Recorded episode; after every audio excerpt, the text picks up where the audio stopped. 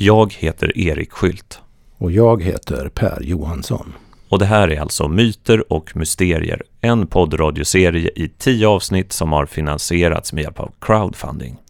Ja, det betyder att 149 personer tillsammans har samlat in över 100 000 kronor. Vilket gjort det möjligt för oss att producera de här programmen.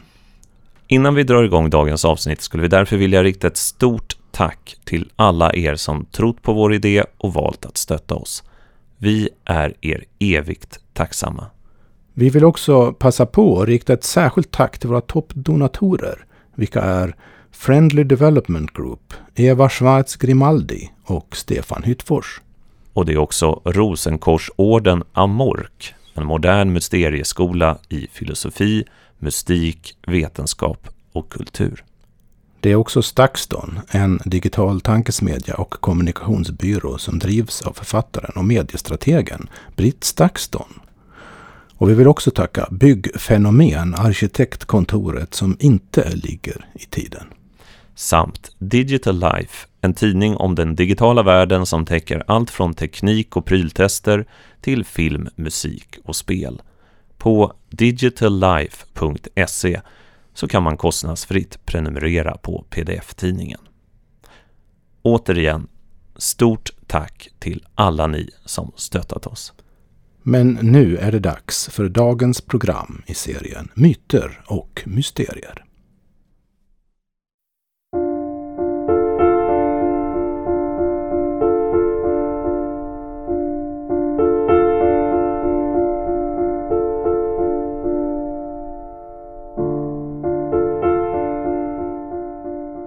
Ljuset är dämpat i den lilla vackra lägenheten från förra sekelskiftet där vi har slagit oss ned. Gröna, lite murriga tapeter, tjocka mattor på golvet, avlägsna trafikljud bakom tunga gardiner och en lampas milda gula sken. Vi befinner oss i det lilla Strindbergmuseet på Drottninggatan i Stockholm. Här levde August Strindberg sina sista år i livet och inredning, sängkläder, pennor, ja alla hundratals detaljer i våningen, de är ordnade som om den gamle författaren bara var på en lång promenad och när som helst skulle kunna komma in genom ytterdörren med spatserkäppen i högra handen. Det spår som vi försöker följa i den här serien, ja det är ett spår som även Strindberg snubblade över i mitten av sitt liv. Resultatet blev hans okulta dagbok en eh, märklig skrift som få har lyckats dechiffrera fullt ut. Det sägs också att han försökte göra guld och de flesta talar om den här perioden i Strindbergs liv som en förvirrad tid. Samtidigt var hans okulta intressen högsta mode under den här perioden i slutet av 1800-talet, särskilt i intellektuella kretsar. Det man då talade om var en återupptäckt av den esoteriska traditionen de eh, hemliga okulta läror som vissa sa hade tusenåriga anor.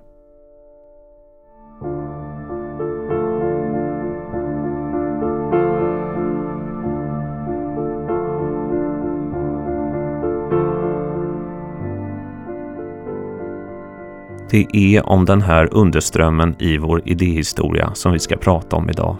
Om tanken på att det kanske finns ett underjordiskt band av idéer som sträcker sig ända från det gamla Egypten fram till idag.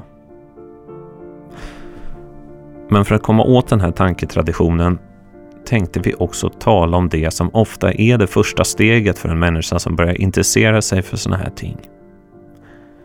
Den egna erfarenheten. Något oväntat mitt i vardagen. En dörr som öppnas. En upplevelse som inte går att förklara. Men som på ett sätt förändrar allt. Det här är Myter och mysterier som idag har rubriken Hermes. Det har funnits en underström under hela den, den västerländska, även moderna historien av alternativa tänkesätt. Och det har yttrat sig på alla möjliga eh, sätt det här. I olika former, under olika namn och så vidare. Men en röd tråd hela tiden har varit någonting som man med en bred term kan kalla den hermetiska traditionen. Och den hermetiska traditionen har enligt egen utsago, skulle man kunna säga, sina rötter i eh, det gamla Egypten. Så på ett sätt, eh, om man accepterar det, så finns det någon sorts kontinuitet idéhistoriskt och på andra sätt också symboli när det gäller symbolik. Konst, eh, inte minst. Eh, I mycket konst kan man hitta alla möjliga, alltså alla former av konst. Skulptur, arkitektur, måleri, musik kan man hitta eh, symbolik som solklart för den som har ögon att se med och vet vad man ska titta efter kommer från den hermetiska symbolvärlden. Och inte minst hos Strindberg själv. Inte minst hos Strindberg vars, själv. Vars sovrum vi nu sitter. Ja. Så det betyder att vi har ju tillgång till här i samtiden en hel del.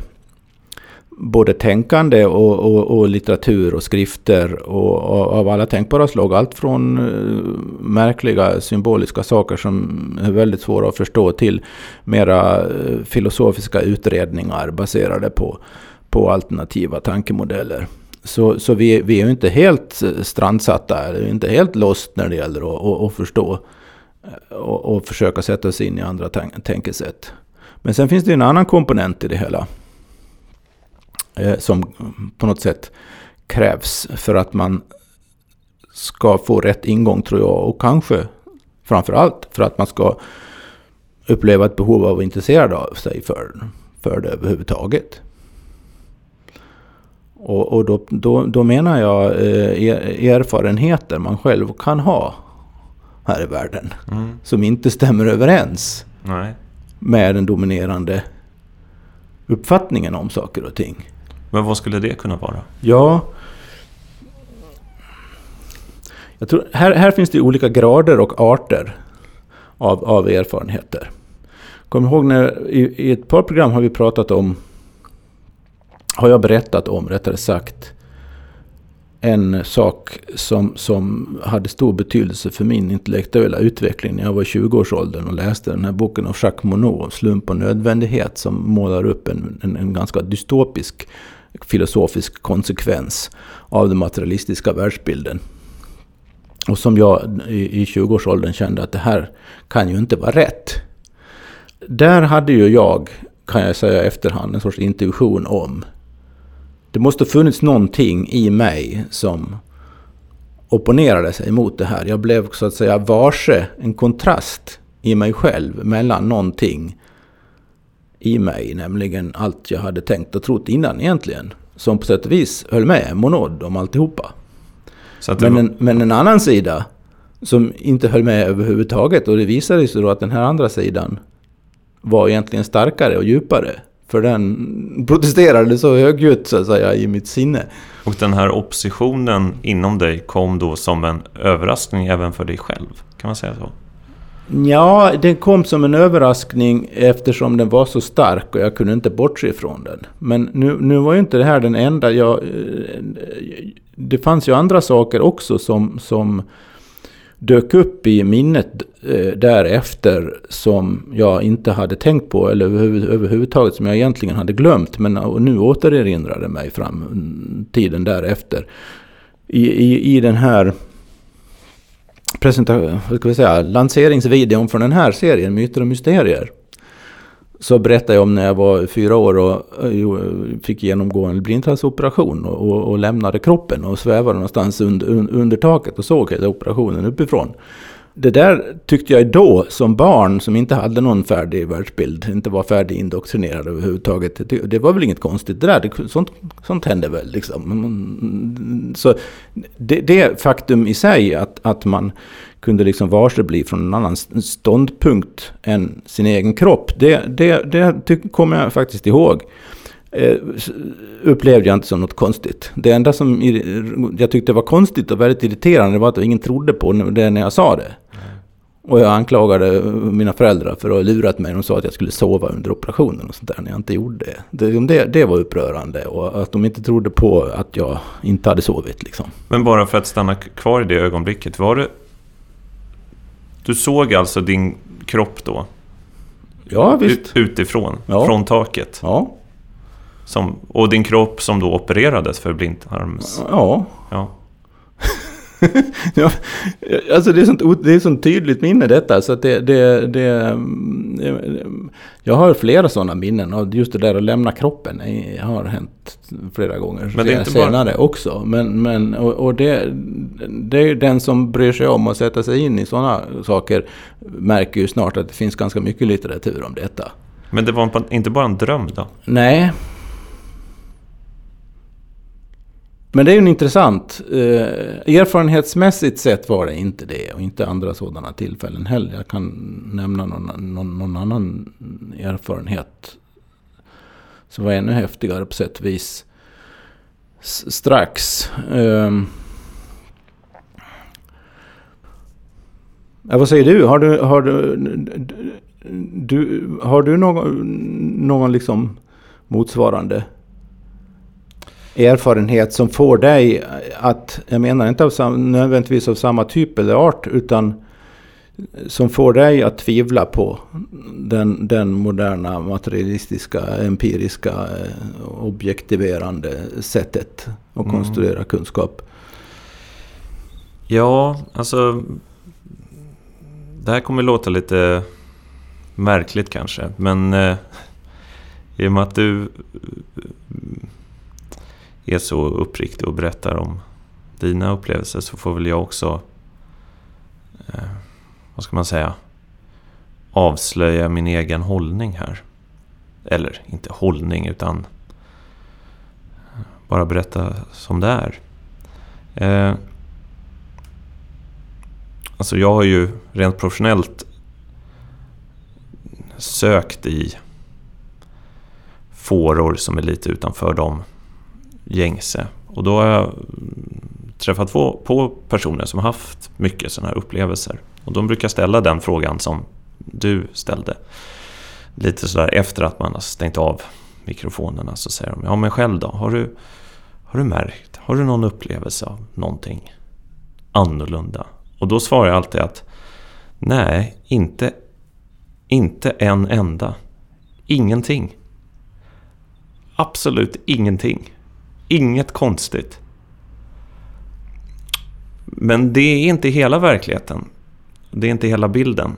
För att på ett sätt skulle jag säga att allt är konstigt. Men för mig har det varit en typ av... Så det började i barndomen och det, det är ju då... Alltså jag har ju alltid sett konstens olika uttryck som portaler till en annan värld. Där musiken, litteraturen, konsten också, alltså bildkonsten har ju varit det på, på visst sätt. Det har varit som eh, väckarklockor som har pekat på saker inom mig själv som jag inte visste fanns. Och är det en mystik upplevelse eller en sån här extraordinär upplevelse. På ett sätt inte förstås. Det är ju bara att man läste en bok. Det som vi har talat om tidigare i ett tidigare program. Läste Sagan om ringen eller Mumintrollet. Ta Tove Janssons böcker, de är inte särskilt magiska. Det kan hända lite spektakulära saker. Men jag kände när jag läste dem att jag var där i de världarna. Och tolken Sagan om ringen kanske var ännu tydligare. Det jag jag upplevde som att det var den verkligheten som beskrevs där som var den sanna verkligheten. Alltså att det var verkligheten och det här som vi går omkring i och spelar in radioprogram i, åker tunnelbana och drar en rullväska med tunga mikrofoner. Det är på något sätt på något sätt är det drömvärlden. Och den här känslan är totalt överväldigande för mig. Alltså den, den kommer jag inte ifrån, att det är det här, mot, det här omvända förhållandet. Och det där har ju hållit, hållit i sig. Alltså de, de där upplevelserna eh, kommer ju igen. Och det, det, kan vara en viss typ av musik som väcker en känsla av ett inre landskap som vilar i mig. Som jag inte vet var det kommer ifrån. Det, det är ingenstans jag har besökt. Det är inte så att jag kommer på saker som ställen jag varit på. Utan viss typ av musik kan väcka känslor som slumrar i mig och sen blossar upp och blir totalt levande. Som att, som att jag har minnen, jag har en, en, en, någonting i mig som är äldre än vad jag själv är. Någon typ av uråldrighet som väcks till liv. Och, och det här är ju, egentligen är det ju bara små aningar, men i och med att jag har insett att det, det här är de centrala bitarna i mitt liv, så, så kan jag inte, jag kan inte gå runt dem. Så att, eh, ja men det kanske är... Jag gillar det där att allt är konstigt. Ja. Det, det, kan vi eh, faktiskt komma tillbaka till lite grann. Eh, om, om, om, vi kommer ihåg det senare. Eh, jag känner också otroligt väl igen det där du säger om Mumintrollen och Sagan om ringen och en del andra eh, böcker och även kanske någon film och en del musik som, som, som fungerar som någon sorts farkoster nästan. Som de, de liksom, eller portal sa du. Man, man, man transporteras till en annan värld och man, man hela ens sinne, hela ens faktiska upplevelse i de stunderna är i den världen. Det, det, om man sitter i, i, i sitt vardagsrum eller om man sitter på, på tåget eller något liksom, allt det bara försvinner. Det, det, det finns inte. Jag tror man det är, om man ska försöka ringa in ringa in vad det är för sorts, vad ska vi kalla det? Icke-materiella, icke eller icke-materialistiska, nej det icke-rationella. Jag menar det blir, det blir kon, det massa konstiga ord man, man, som, som dyker upp som egentligen inte säger så mycket. Någon sorts... Man pratar ju om fantasi och verklighet. Och verklighet i vardagslag så brukar vi mena det där du just sa, släpa omkring, du släpar omkring på din utrustningsväska. Jag går här med min, min konken idag fullproppad med packning liksom. Det småregnar ute och bilarna kör. Och det är liksom, av någon anledning har vi fått för oss att kalla det verkligheten. Men det där du beskriver när det gäller Mumintrollen exempelvis. Varför är inte det verkligheten då? Tänk, det är ju egentligen någon sorts godtycke, eller vana, eller konvention när man säger att det ena är verkligheten och det andra är fantasi. Man skulle kunna vända på det lika bra och se hur, hur, hur det blir då. Och det är någon sån operation, tankeoperation, associationsövning man måste göra om man ska börja förstå de här gamla kulturerna. För att de, för, jag tror en egyptier, gammal egyptier, apropå förra programmet, skulle inte ha några problem med att omedelbart säga, säga, i princip säga till dig så här om det var en reflekterande person nu då naturligtvis. Att ja, du, nu har, där har du fått en glimt av, av, av den, bak, liksom den gudomliga eh, eller, eller principiella levande verkligheten bakom ytan. Det som så att säga ger upphov till allt annat. Tänk om, tänk om det vi kallar den vardagliga verkligheten kommer ur fantasin på något mm. sätt. Mm. Och då kan jag lägga till här att så har jag faktiskt känt. För att det här har jag insett på senare år. Jag har många gånger försökt skriva eller berätta om att jag som barn går i en skog och den här skogen har någon slags magisk kvalitet och den är väldigt djup och jag vet inte vart stigen leder. Och då har jag försökt förlägga det här till min barndoms reella skogar som är någonstans i Dalarna. Den här skogen finns ju kvar, jag har gått i den nu i vuxen ålder, jag gick i den bara för några månader sedan. Och så tänker jag, just det, det här är min barndoms magiska skog. Men det är den inte, utan den är bara ett sken av barndomens magiska skog. De starkaste minnen jag har som har växt kvar av att vara ett barn som går i en skog är att jag går i gamla skogen som ligger utanför Fylke i Tolkiens universum.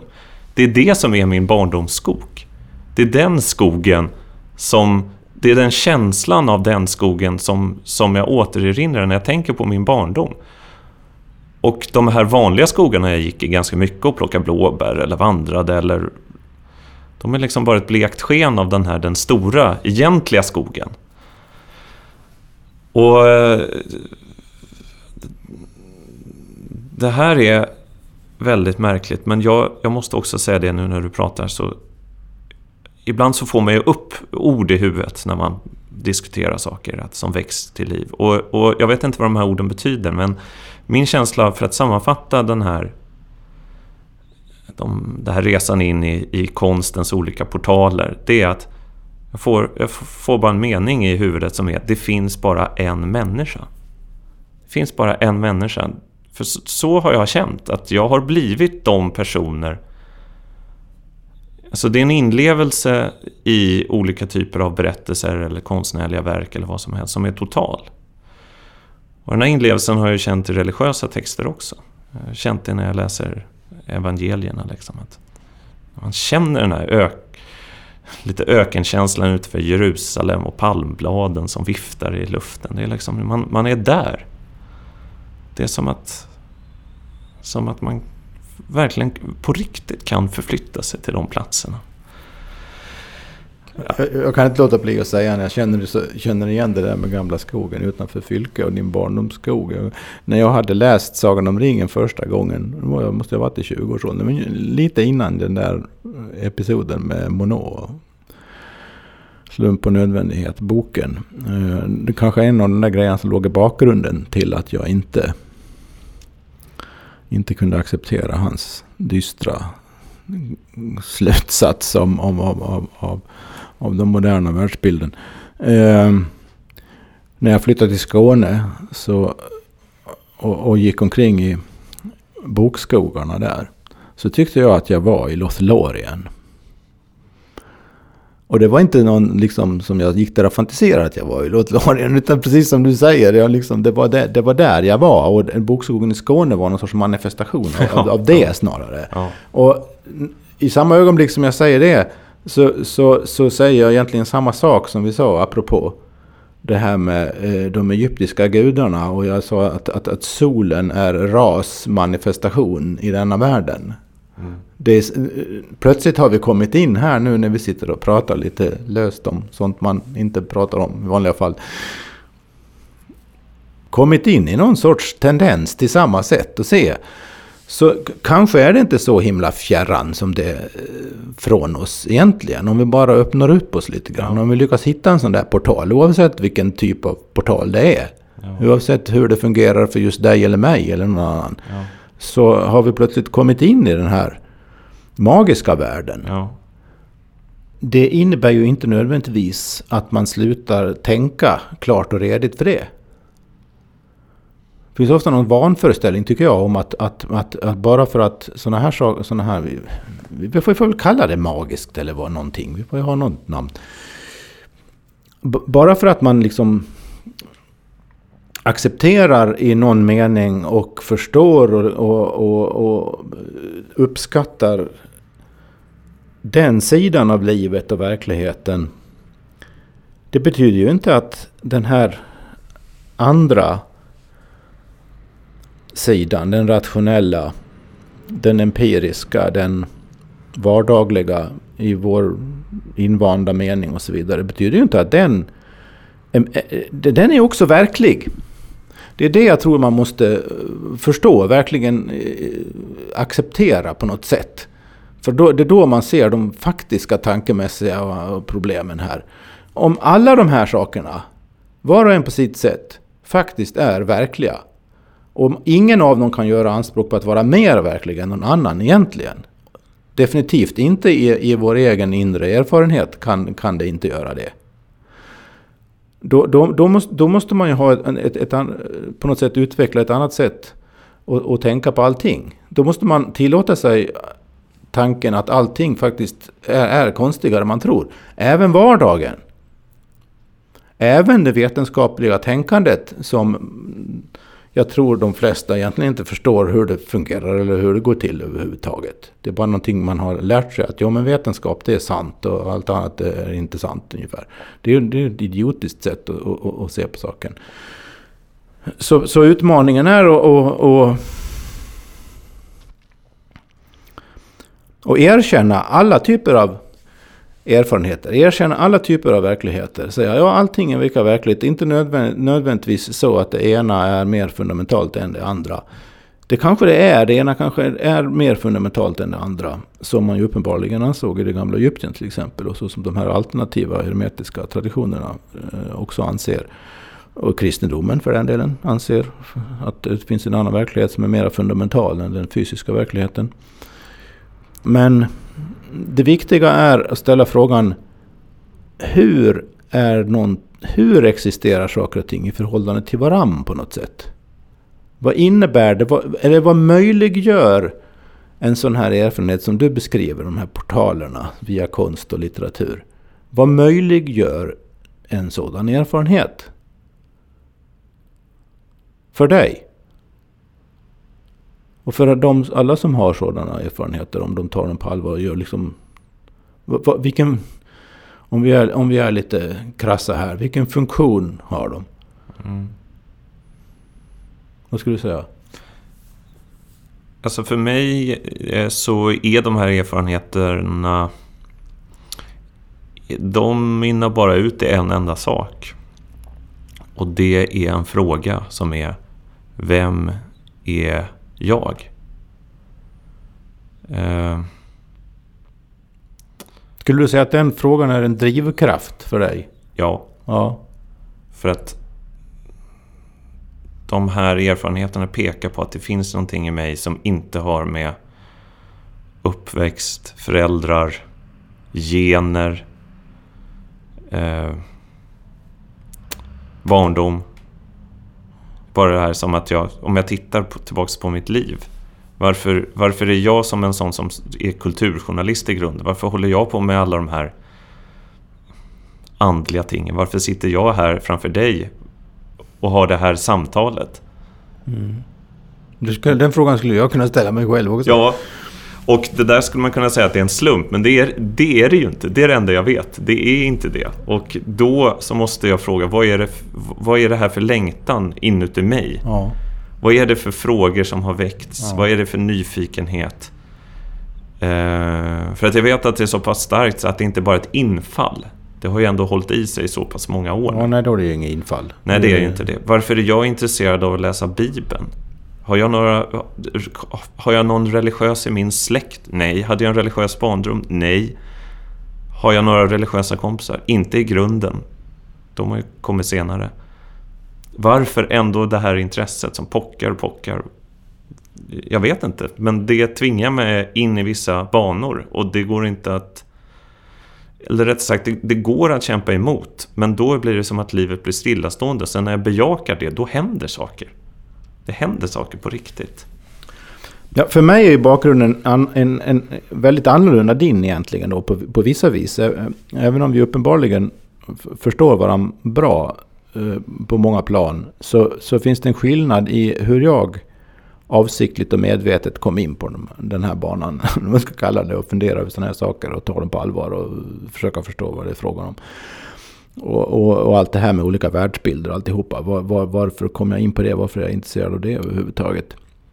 För det var jag inte överhuvudtaget alls från början under en ganska lång tid. Det, det, det, det, tanken, möjlighet, jag visste inte ens om möjligheten till att tanken, om man säger så. Utan jag hade, jag, jag hade ända upp till 20-årsåldern och efter det också en, en, en fullständigt övertygad Alltså jag, man skulle kunna säga att jag var någon sorts Dawkins-fan, om man säger så. Va? Även om jag läste Dawkins först 1976, så när jag läste själviska genen, den, den, den uttryckte ju vad jag redan liksom i någon mening inom citationstecken visste och ansåg och tyckte var riktigt. Så det, det var ju mer en sån där bekräftelseläsning för mig att läsa den här Selfish Gene. Så jag, jag, var helt inne på det. Jag hade inte, inte en, en, en tanke på något annat. Och jag skulle bli biolog och så vidare. Och jag var, bara, jag var intresserad av djur och natur. Och. Men så var det det där med Monod då. Som var som någon sorts, du vet Platon har det här begreppet återerinring. För hela Platons kunskapsteori är i princip, hela hans, alla hans dialoger går, går egentligen ut på, eh, på ett plan, att få den han, Sokrates då är ju den som för talan. Sokrates strävar efter att väcka sådana här återerinringar hos dem han för samtal med. Och, och poängen med det är då att, att det finns latent i oss en större erfarenhet, en vidare erfarenhet, en vidare eh, djupare erfarenhet. En, en, alltså att, att vi som människor är mycket, mycket större än vi tror. Och när vi får kontakt med det där större, då kommer vi ihåg hur det är. Och då behöver vi inte diskutera längre egentligen. För då vet vi hur det är. Det är det som är liksom åter, återerinring. Och li, någon, någon sorts reflekt av återerinring fick jag då när jag läste Monova. Jag började komma ihåg andra saker. Och liksom det rubbade mina cirklar. Och eftersom jag hade, vid det laget hade hunnit bli en sån där liksom tänkande, reflekterande person då som är ganska jobbig för sig själv ibland. Så, så var jag tvungen att ta tag i det där teoretiskt. Men, men och var finns verktygen för det? Liksom? Om, man, om man ska argumentera mot, mot Monod på 70-talet. var sjutton ska man hitta några motargument då någonstans? Det var ju ganska jobbigt och det var inte helt lätt om man säger så. Och den här Monod, bara för att göra det tydligt, han hade alltså en otroligt strikt syn på världen som en tom plats. Ja, alltså det, det, det är en väldigt... Han, han, beskriver ju i större delen av den här boken en, en verklighetsuppfattning grundad i modern evolutionsbiologi och molekylärbiologi. Som, eh, och kommer fram till att allting är, är en, en följd av slump och nödvändighet. Det vill säga en sorts orsak och verkansprocess som innebär att det finns vissa, vissa regelbundenheter som via tillfälligheternas spel ger upphov till allting. Inklusive oss då. Och så, och så då, då, använder han det då sen i slutet av boken som ett motargument mot alla idealistiska filosofier som inbillar sig att människan är något mer än en materieklump. Uh, och, och, ganska, och han, han liksom nästan heroiskt omfattar den här dystra liksom, döda världen som han på något sätt blir för honom. Det var väl tur på sätt och vis för mig, eller vad man ska säga, att han, att han gick till en sån negativ ytterlighet. för det var ju det man reagerade på. Dawkins delar ju i princip hans, hans uppfattning. Men han drar ju inga negativa slutsatser, han drar positiva slutsatser. Mm. Så det är någon sorts attityd, enorm attitydskillnad där mellan... Men vad blev då din andra väg? Ja, eh, det, det tuffade liksom på det där. Jag, jag började eh, började läsa, eh, hitta alternativa synsätt. Och, och läste i stort sett allt jag kom över som verkar som det skulle kunna säga någonting. Och så småningom mm, så gjorde ju det det möjligt att liksom ringa in den här moderna rationalistisk empiriska tänkesättet som någon sorts speciell grej. Men det var mm, den, den egentligen avgörande eh, skiljelinjen kom några år senare. För mig. Det var apropå det där med portaler. En, en kväll. När jag hade jobbat länge och var väldigt trött. Jag jobbade på sjukhus på den tiden. Så satt jag i soffan och så Det var lite andra omständigheter runt i det hela. Jag ska inte berätta det här nu för då blir det för, för personligt på sätt och vis. Jag ska berätta själva erfarenheten bara. För att vad som hände var att jag satt där och så skulle jag till och börja klia mig i, i pannan. För det gör man ibland. Det kliar någonstans. Och så kliar man och så höjer man handen. Och så. Av någon märklig anledning så stannade handen halvvägs upp i luften. Och så blev, blev världen runt omkring, rummet runt omkring liksom genomskinligt. Och så plötsligt så uppenbarade sig andra scenarier, andra världar. Så att under ett tag där så var det som en, en, en dubbelexponering. Jag såg dels rummet jag befann mig i, men jag befann mig också i alla möjliga andra situationer i olika tider med olika kläder, olika natur, olika hus, olika allting. Och efter ytterligare ett tag så försvann rummet jag befann mig i också. Jag var, som du beskrev när du var, läste Mumintrollen, att du var i Muminvärlden. Men här var det inget jag läste då, utan det var bara något som liksom hände. Ungefär som om man bytte kanal eller någonting. Och så plötsligt var man i en annan verklighet. Och, och det var en lång serie situationer där jag befann mig då i, i som sagt i olika miljöer med olika människor. Olika tidsperioder måste det ha varit för väldigt olika kläder och sådär. Och det, var, det var, gick väldigt fort, det var väldigt många. Liksom det var som en, ett snabbt bildspel fast det var rörliga. Liksom korta filmsnuttar fast tredimensionellt om man säger så. Efteråt, eller mot slutet så, var det, eh, så stannade filmen av skulle man kunna säga. Och, och så var det tre situationer som eh, var liksom mera varaktiga. Och helt och hållet påtagliga. Eh, det är det som är det märkliga här. Jag ska spekulera över märkligheten sen. Det här kändes alltså lika påtagligt fysiskt närvarande som när du och jag sitter här i Strindbergs sovrum.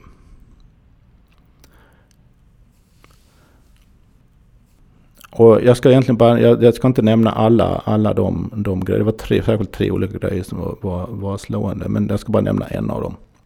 Och det var att jag satt vid ett, vid ett bord. Och skrev på en papyrus hieroglyfer.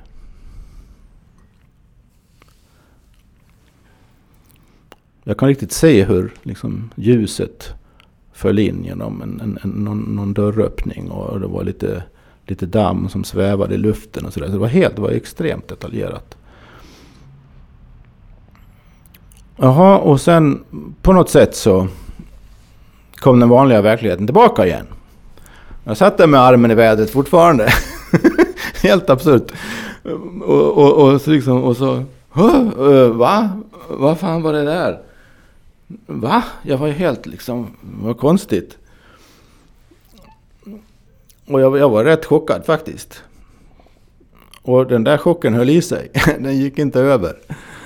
För att eh, det tvingade mig kan man väl säga. Att ta reda på hur kan man ha sådana erfarenheter överhuvudtaget. Vad betyder det? Dels, dels kunde jag naturligtvis inte låta bli att undra vad sjutton betyder det för mig.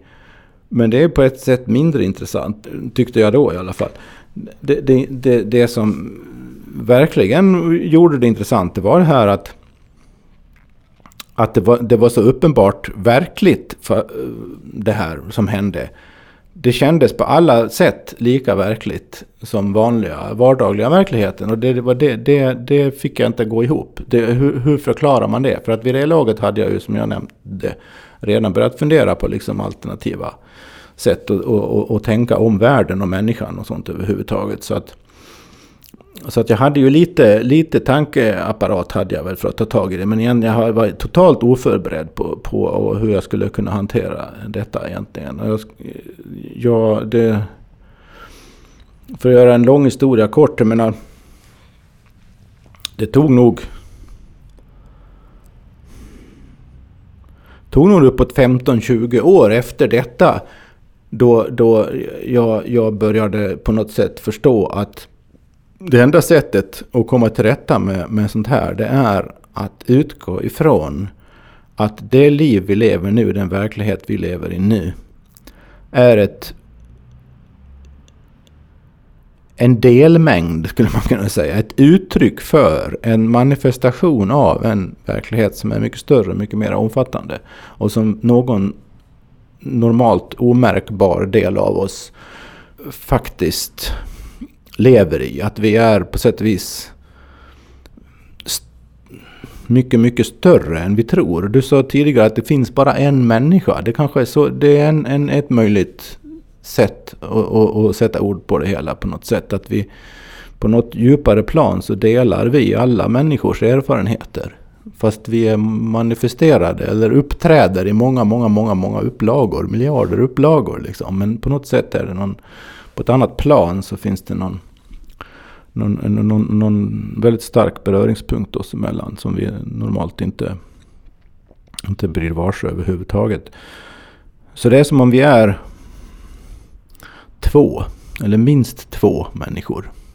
En vanlig egomänniska. Som, är man fast i det så är det det enda som finns ju.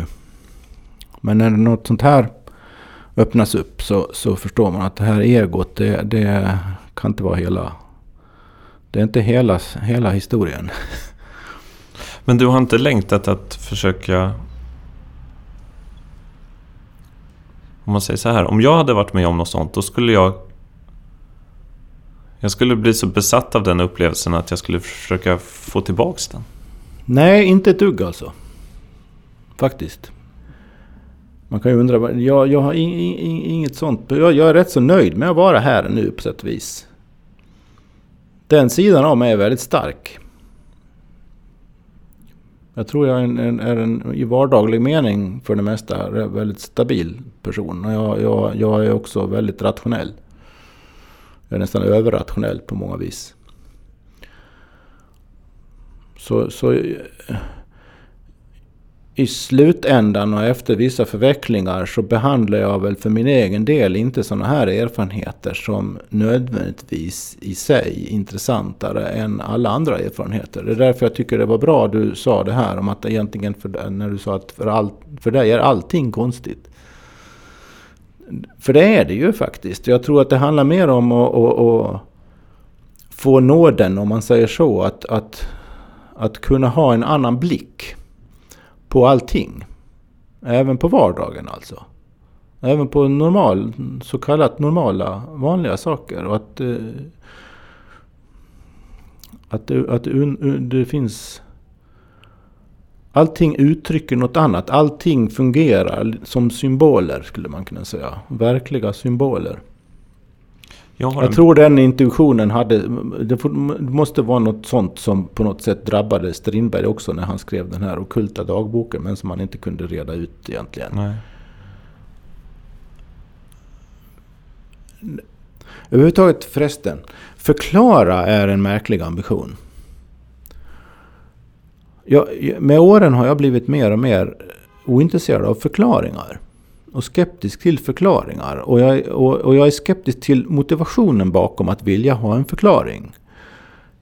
Sa jag inte det i förra programmet vi gjorde också om, om apropå eh, att, vad, är, vad är en förklaring? Det innebär att du, du har en, en viss tankeapparat tillgänglig. Du kanske har mer än en om du är, är, är, är, är eh, vad ska man säga, flexibel eller mm, extra bildad eller någonting. Men du har en, en viss tankeapparat tillgänglig som du menar har, håller, håller måttet hyfsat. Den är ganska stark modell för världen och, och, och, allt möjligt. Och en förklaring innebär ju då att du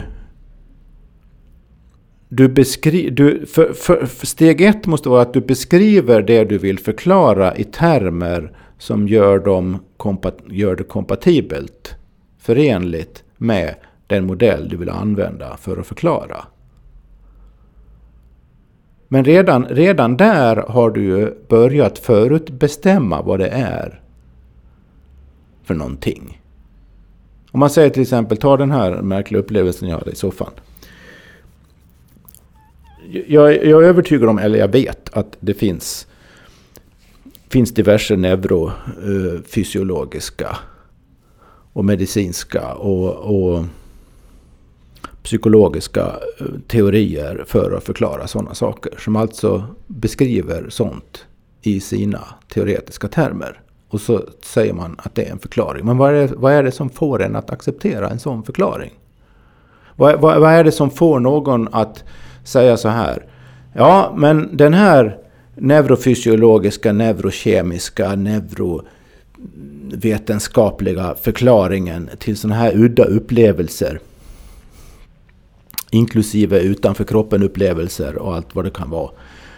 Den, den, den, den måste vara, vara giltig och även om den inte kan komma åt alla sidor av saken så det, det måste principiellt vara den som gäller. Och så omformulerar man och förklarar just förklarar allting i de termerna. Och så är man, är man, är man nöjd på det. Vad, vad, är, vad, vad är det som får en att acceptera det snarare än en hermetisk modell? Som jag kanske ska beskriva kort.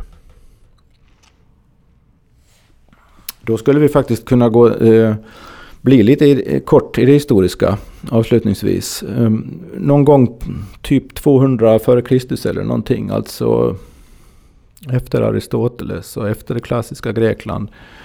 När det började ebba ut, det klassiska Grekland. Det gamla Egypten hade försvunnit på sätt och vis. Men mycket av mycket rudiment och en, en, rester av gamla egyptiska civilisationen levde vidare under, under den så kallade hellenistiska perioden.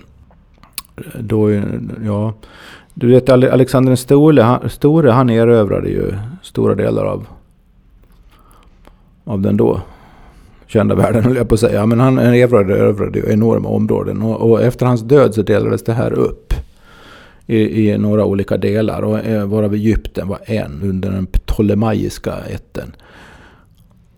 Och det här kallar man för den hellenistiska perioden. Det var en väl, I och med att man, eh, de här erövringarna öppnade upp eh, väldiga flöden av idéer och varor och människor mellan eh, stora delar av, av, av, Medelhavsområdet, eh, Främre Östern, Nordafrika, Egypten. Det var ett väldigt idéutbyte, en väldigt, väldigt så kallad synkretism på det filosofiska området. Mm, en väldig blandning av olika läror. Och en, i, I det där så sögs också en hel del som kom ursprungligen från det gamla Egypten upp. Och manifesterade sig i någonting som man brukar kalla för corpus hermeticum. Och, och som är ett antal olika skrifter som påstås vara författade av Hermes Trismegistos den trefaldigt store eller störste Hermes.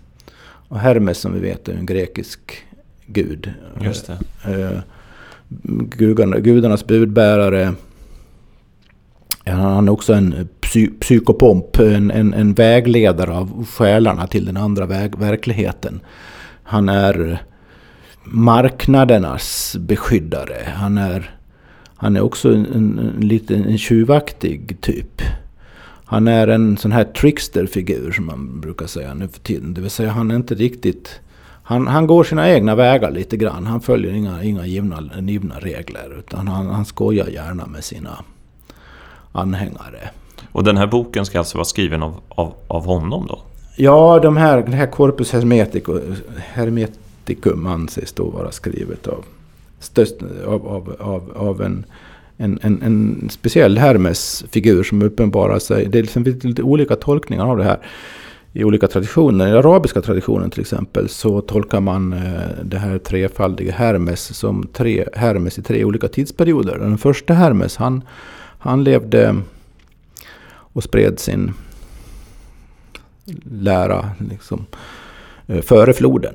Och det var han som byggde i pyramiderna. Mm. Det var han som lärde egyptierna allt de kan. Och han identifieras då med guden Tot. Så man pratar om Hermes Tot här. Och så kom det senare Hermes inkarnationer då. Så här har den en sorts inkarnationstanke före den kristna mm. inkarnationstanken. Han motsvaras i, i romerska mytologin av Merkurius i hög grad. I den fornnordiska mytologin finns det väldigt starka beröringspunkter med Oden. Eh, Odens, både Oden och Merkurius och Hermes inte minst är också magins gud framför alla andra. Beskyddare. Jag tror det finns en, en, en av de här, en, en kort sån här hermetisk skrift från senantiken. Kallas för på latin tabula smaragdina. Smaragdetavlan. Det är, är ofta citerad. Jag tror vi ska faktiskt läsa en ja en engelsk översättning av den, de första raderna. Ja. Eh, den översättningen är gjord av ingen mindre än Isaac Newton. Oj då. Isaac Newton var ju alkemist. Ja. Och den här Corpus Hermeticum, hela den traditionen var helt central för alkemin. Men finns, bara för att göra det här tydligt, finns de här böckerna? De finns. Men, men, du men, kan, du kan hitta dem på, på internet i olika översättningar och, och ladda ner om du vill. Men hur gamla är de då? Är det gamla antika skrifter? De är då? från senantiken, ja. Ja, det är okej. Okay. Jag ska citera här de första raderna i, i Newtons översättning av Smaragdtavlan. Mm. Och då blir det på engelska nu då. Jag läser långsamt så går det nog. Tis true, without lying, certain and most true. That which is below is like that which is above, and that which is above is like that which is below, to do the miracles of one only thing. And as all things have been and arose from one by the mediation of one, so all things have their birth from this one thing by adaptation. The sun is its father, the moon is its mother, the wind hath carried it in its belly, the earth is its nurse. The Father of all perfection in the whole world is here. Its force or power is entire if it be converted into earth. Och sen kommer det, blir det mer och mer komplexa och svårbegripliga instruktioner här hur den här kosmoska processen fortskrider och hur man kan...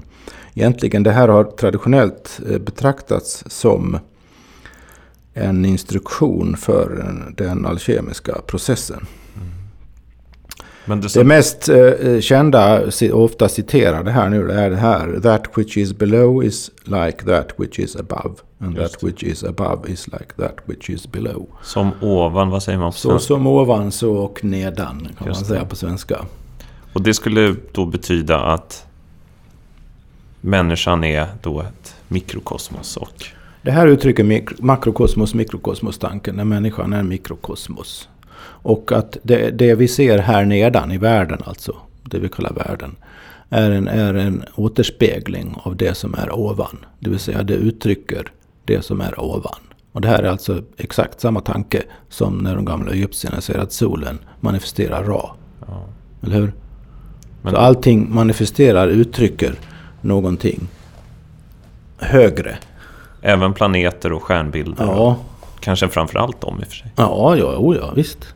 Det här är fundamentalt för astrologin också. Mm. Som är en av de hermetiska vetenskaperna. Och det här tog då Newton själv som väldigt centralt? Oh ja, han ägnade ju, ägnade ju större delen av sitt liv åt, åt alkemi och alkemiska experiment med, med den här filosofin som grund. Mm. Mer än han ägnade åt fysik som han blev känd för sen. Så att det som Hermes Trismegistus då, denne gudomlige författare, vill säga oss, det är att eh, människan och världen hänger ihop på ett väldigt intimt sätt. Just det.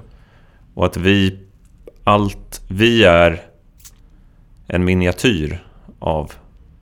Nej, men ja, miniatyr är kanske inte rätt ord. En, en, en, ett konkret uttryck för något som i sig självt är gudomligt, mm. gudomliga principer på olika nivåer. Det finns ett nivåtänkande här också. Där den här, den här uh, vägen från the one, den, det ena, ursprunget, det absoluta. Vägen därifrån till den här mångfaldiga världen. Ja.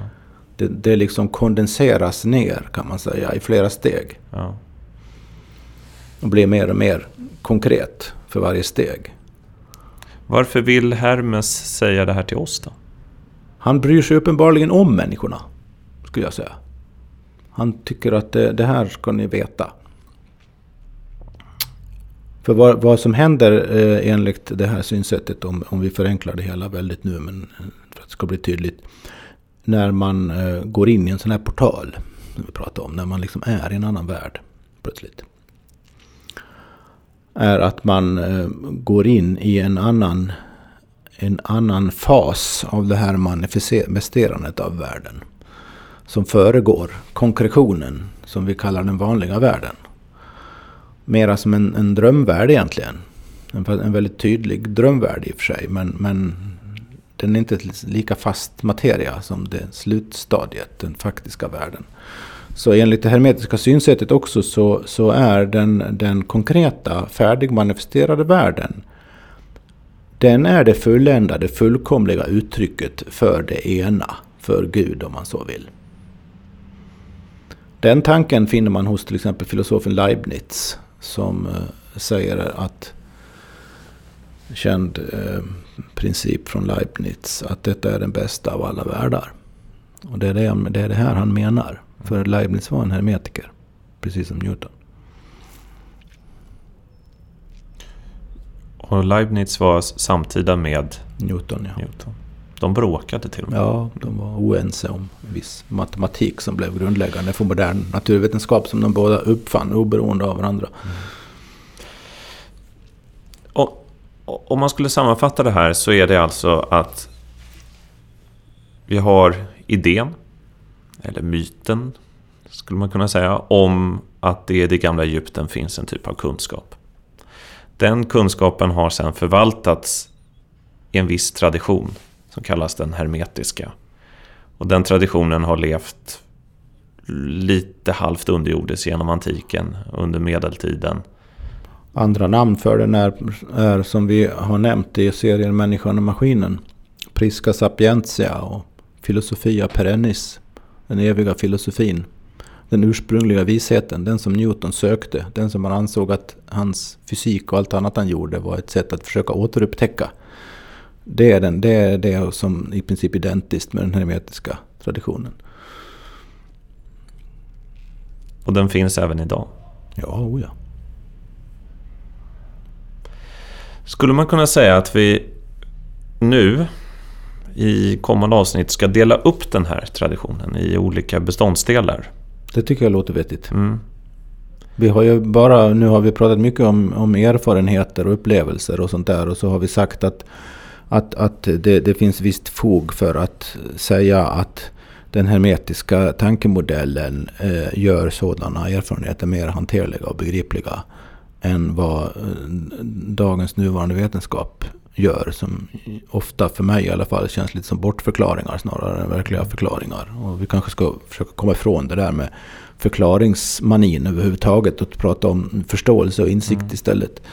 Eh, men, men för att, det har ju varit, blir ju väldigt allmänt. Jag tycker, du har helt rätt. Jag tycker definitivt vi ska dela upp det och ta, ta ingrediens för ingrediens ja. på något sätt. Och då kommer vi komma in på sådana ämnesområden där det finns oerhört många förutfattade meningar. Ja, verkligen. Ja. Som en sån term som astrologi. Ja, som, som de flesta i sina egna ögon rationella människor nu för tiden tycker vad det är för trams. Mm. Utan att veta något om det egentligen. Jag hörde själv till dem under väldigt lång tid. Det, var, det är först på senare år jag tänkte att, ja, jag, för jag visste ju det historiskt sett att astrologi, det här kanske vi ska ta i det programmet. Ja men säg det bara nu, det är spännande. Så spännande som en, som en, en brygga. Jag hörde ju också till dem som tyckte länge, större delen av mitt liv, tills för några år sedan bara. Astrologi var liksom, det, det kunde man ju inte bara, bara inte befatta sig med. Det, det, liksom, det har den där idiotstämpeln överallt, överallt alla andra idiotier nästan. Det är liksom det paradexemplet på om man ska brännmärka något irrationellt. Så antingen angriper man skapelsetroende kristna eller också angriper man astrologi. Liksom det är de där två slagpåsarna som finns. Eh, de skapelsetroende hade jag väl lyckats tillskansa mig lite mer respekt för, även om de är alldeles för bokstavstrogna för min smak. Men astrologin, det där, där, där hade jag ju svårt för. Alltså, samtidigt visste jag ju av mina idéhistoriska studier att astrologin var helt grundläggande för väldigt mycket. Även det som blev modern naturvetenskap, även för massa olika filosofiska ståndpunkter. Och astrologin är liksom en, en sorts central ställning verkligen. Den hade ju också en väldigt upphöjd politisk ställning under hela historien egentligen. Men, men det räckte inte för att jag skulle kunna förmå mig till att börja studera det. Men, men sen en vacker dag så tänkte jag, nej men vad, vad fan, skärp dig. Du får ju, får ju ta tag i det också, så det gjorde jag det. Och, och det tog ju inte så lång tid då, då egentligen att inse att hmm, det här är ju en väldigt rik tanketradition. Den är ju inte alls så... Den är ju väldigt konstig. Men den är ju inte dum. Insåg jag ju. Så det kan vara värt att uh, prata lite om det faktiskt. Ja. Vi sätter punkt här för idag mm. då. Så blir det mer om astrologi nästa gång. Du har hört Myter och mysterier. En poddradioserie av Per Johansson och mig, Erik Skylt. Musiken i början av programmet var gjord av Chris Zabriskie. Mer information om programmen hittar du på myter och mysterier.se